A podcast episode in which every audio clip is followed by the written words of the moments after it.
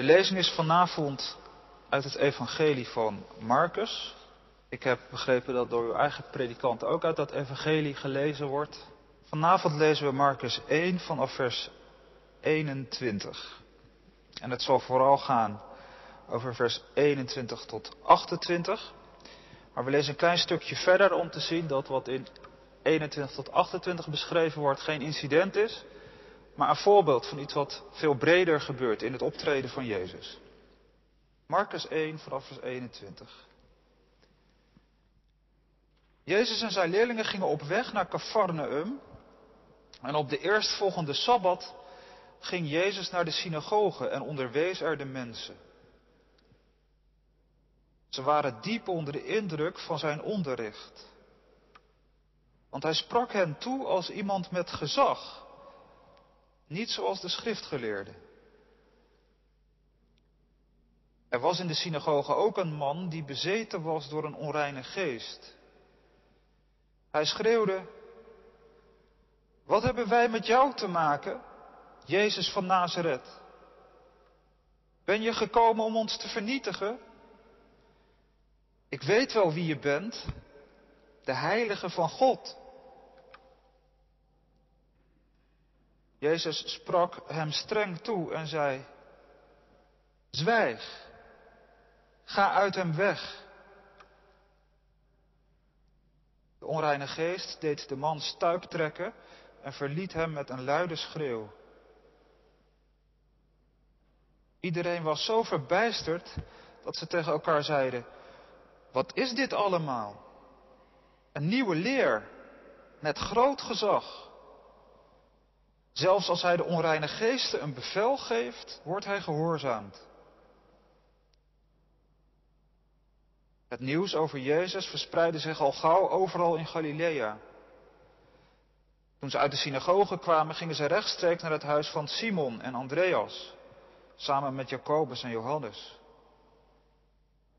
Simons schoonmoeder lag met koorts in bed. En ze spraken met Jezus over haar. Hij ging naar haar toe, pakte haar hand vast en hielp haar overeind. Toen verliet de koorts haar en ze begon voor hen te zorgen, te dienen. S'avonds laat, toen de zon al was ondergegaan, brachten de mensen alle zieken en bezetenen naar hem toe. Alle inwoners van de stad hadden zich bij de deur van het huis verzameld. Hij genas vele zieken van allerlei kwalen en hij dreef veel demonen uit. Maar stond ze niet toe om iets te zeggen, want ze wisten wie hij was. Tot zover de lezing van de Heilige Schrift vanavond. Gemeente van Christus hier in de kerk en thuis. Wij leven in een bezeten wereld. En we weten het. Dit zijn woorden van Johan Huizinga. U heeft ze misschien wel eens eerder gehoord. Hij was hoogleraar geschiedenis. Maar in 1935 hield hij een lezing over de toekomst. In de schaduwen van morgen was de titel.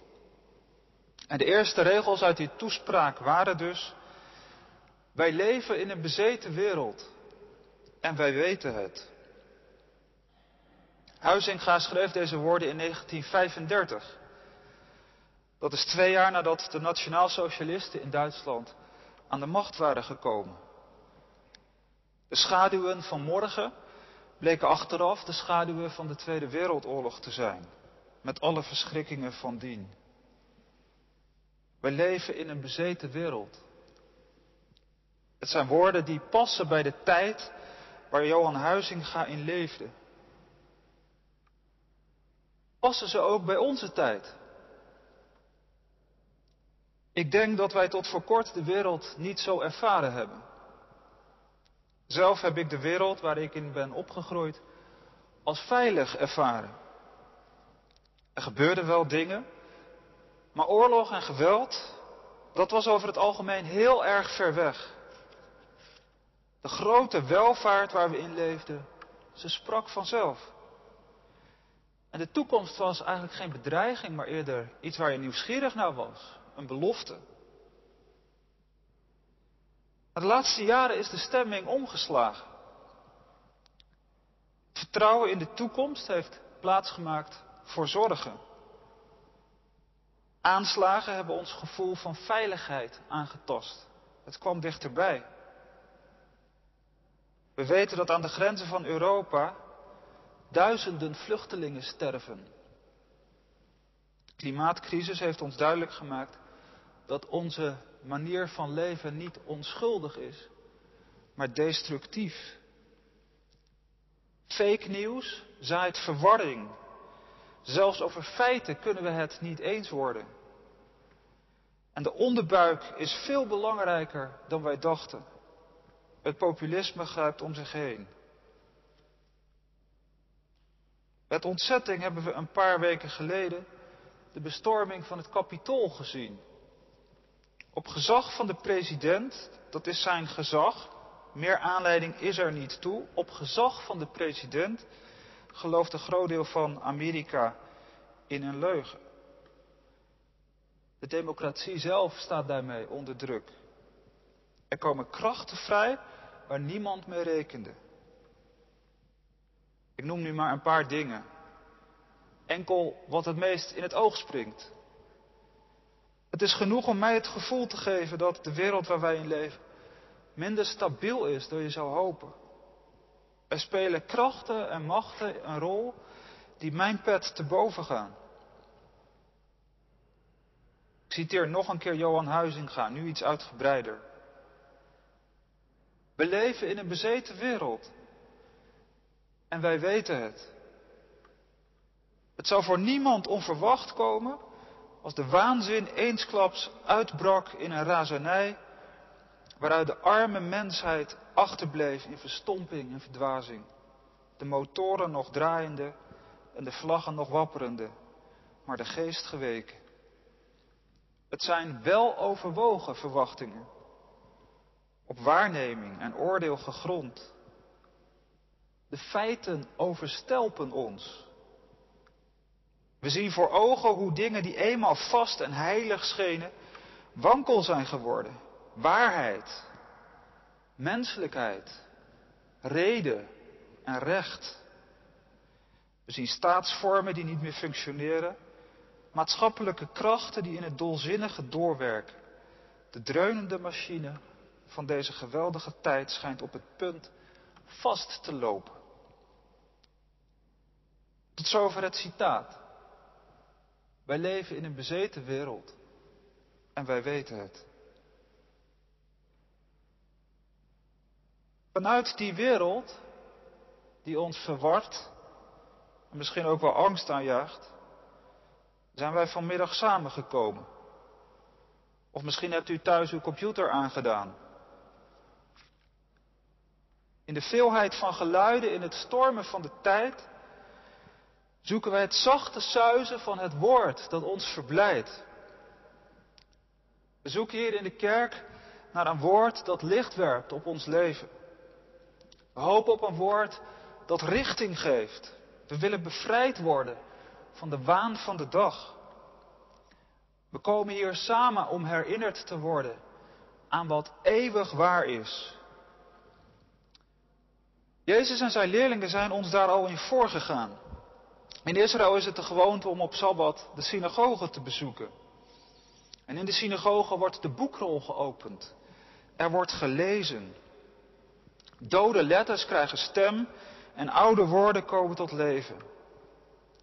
En te midden van alle stemmen die wij horen, horen wij de stem van de Heer. Te midden van alle machten die ons leven sturen en beïnvloeden, meldt zich deze ene heel bijzondere macht. Het is de macht van Hem die zijn volk bevrijdt uit slavernij, uit Egypte. Hij heeft zijn volk weggetild uit doem en duisternis. En Hij krijgt hier het woord. En dat woord geeft ons richting. Het wijst ons de weg. Ons leven wordt hier onder een andere, onder een goede macht gesteld.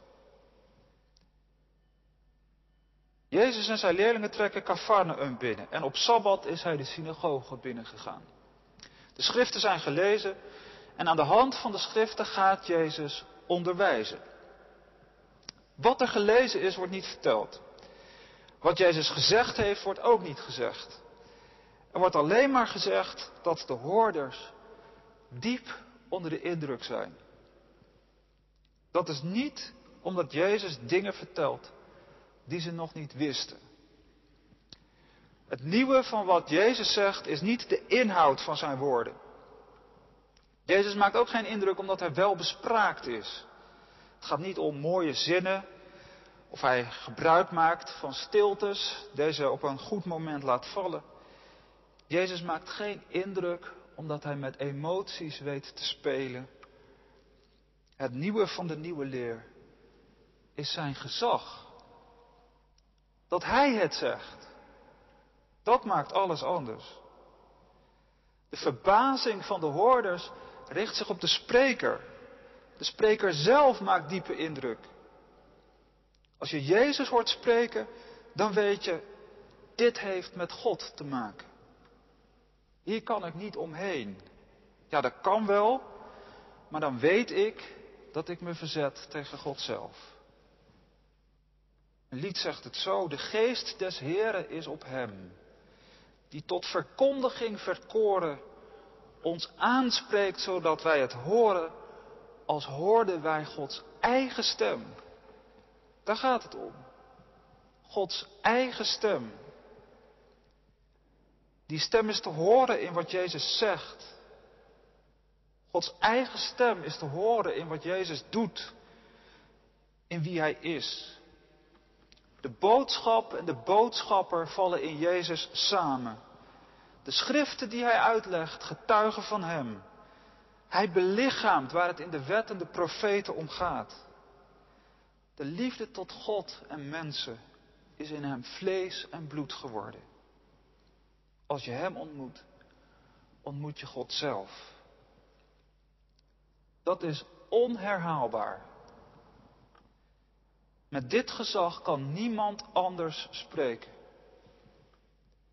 Want niemand anders is gehoorzaam geweest als hij. Dat is het opmerkelijke. Jezus heeft gezag omdat hij gehoorzaam is. Hij is gehoorzaam onder alle omstandigheden, tot in de dood aan het kruis. En dat geeft hem gezag. Omdat Jezus zelf gehoorzaam was tot in de dood, heeft God hem de hoogste plaats gegeven, zegt Paulus. Alles en iedereen moet zich voor Jezus buigen. In de hemel en op de aarde en ook onder de aarde. Ook de onderwereld zal zich aan hem moeten onderwerpen. En dat blijkt ook die morgen in de synagoge in Cafarnaum. Want in de synagoge is een mens die bezeten is door een onreine geest. Dat die onreine geest daar is, in de synagoge, dat is al iets schokkends. Iets wat eruit springt. Onreine geesten, daar ben je misschien voor op je hoede als het buiten donker is geworden. Dat verwacht je niet op klaarlichte dag. Onreine geesten die verwacht je misschien bij de graven of rond de heiligdommen voor andere goden. Maar vanmorgen is die onreine geest dus in de synagoge aanwezig. De onreine geest is op de plaats waar je hem het minst zou verwachten. De schok daarover doet misschien een beetje denken nog een keer aan het kapitool. U merkt, het heeft indruk op mij gemaakt. Het viel me op dat er de avond na de bestorming gesproken werd over ontheiliging. Het kapitool wordt door velen gezien als het heilige der heiligen van de democratie. Maar dat heilige der heiligen werd dus ontheiligd. En dat is ook de schok. Het bederf bleef niet buiten de poorten. De waanzin drong binnen. De demonen hadden vrij spel. Kunt je natuurlijk afvragen of dat pas gebeurde toen die demonstranten daar binnen drongen. Die bestorming maakt zichtbaar wat al veel langer aan de gang was. Politici zelf zijn onderdeel van het probleem. Maar zij dragen net de pakken. En dan valt het niet op. Die bestorming is onthullend. En dat is ook zo in de synagoge in Cafarnaum. Er blijkt een onreine geest aanwezig. En dat moet je dan niet opvallen als een toevalligheid, een incident, een uitzondering. Het gaat hier niet over het ongeluk van die ene persoon. De wonderen die Jezus doet staan nooit op zichzelf. Het zijn tekenen, symbolen. Ze onthullen iets wat betekenis heeft voor iedereen.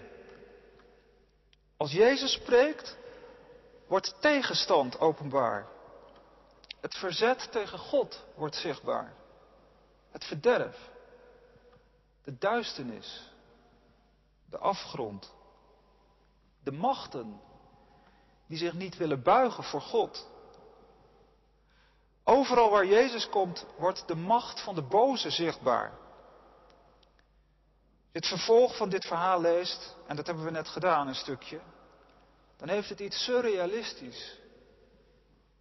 De wereld waarin Jezus optreedt lijkt wel één groot ziekenhuis. Als het avond wordt in Cafarnaum, komen alle inwoners van de stad naar Jezus toe. Ze komen met hun zieken. Ze komen met hun bezetenen. En Jezus, hij geneest de zieken en drijft de demonen uit. We leven in een bezeten wereld. En de synagoge staat daar dus niet buiten. De onreine geesten niet alleen buiten, maar ook in de kerk. Het heeft dus geen zin de ander te vereenzelvigen met het kwaad.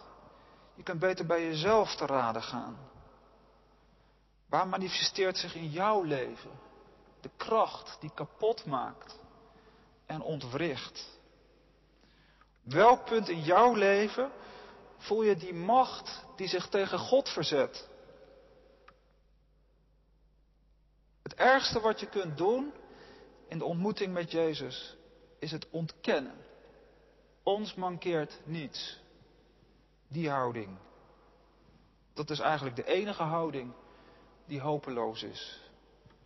Zieke mensen zijn niet hopeloos. Bezeten mensen ook niet. Hopeloos ben je eigenlijk pas als je denkt dat je niets mankeert. Want dan kan de geneesheer ook niets voor je betekenen. We delen allemaal in de bezetenheid van de tijd waar we in leven. De geest van het individualisme heeft ons allemaal in zijn greep. En de macht van fake nieuws en propaganda zaait bij ons allemaal verwarring.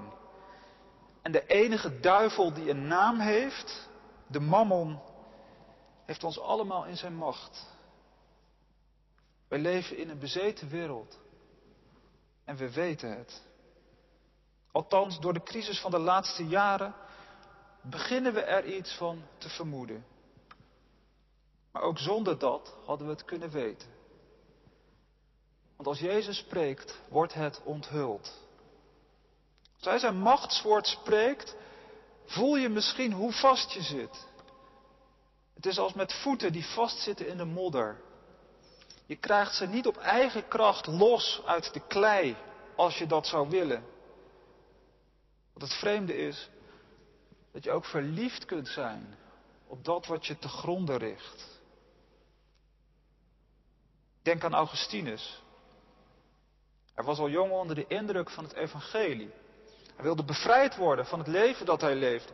Hij bad er zelfs om. Geef mij kuisheid en onthouding. Maar doe het niet meteen. Die dubbelheid. Misschien herken je er iets van. Dat er twee mannen of twee vrouwen in jou strijd kunnen voeren. Dat je je over wilt geven aan de goede macht van Jezus.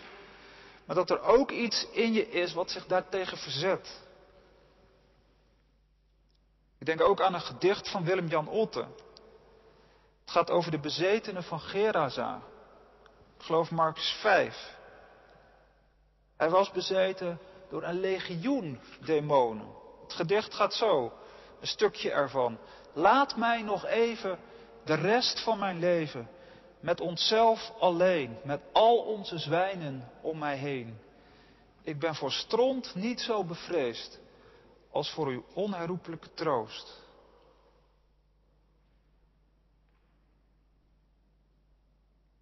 De onreine geest schreeuwt het uit in de synagoge.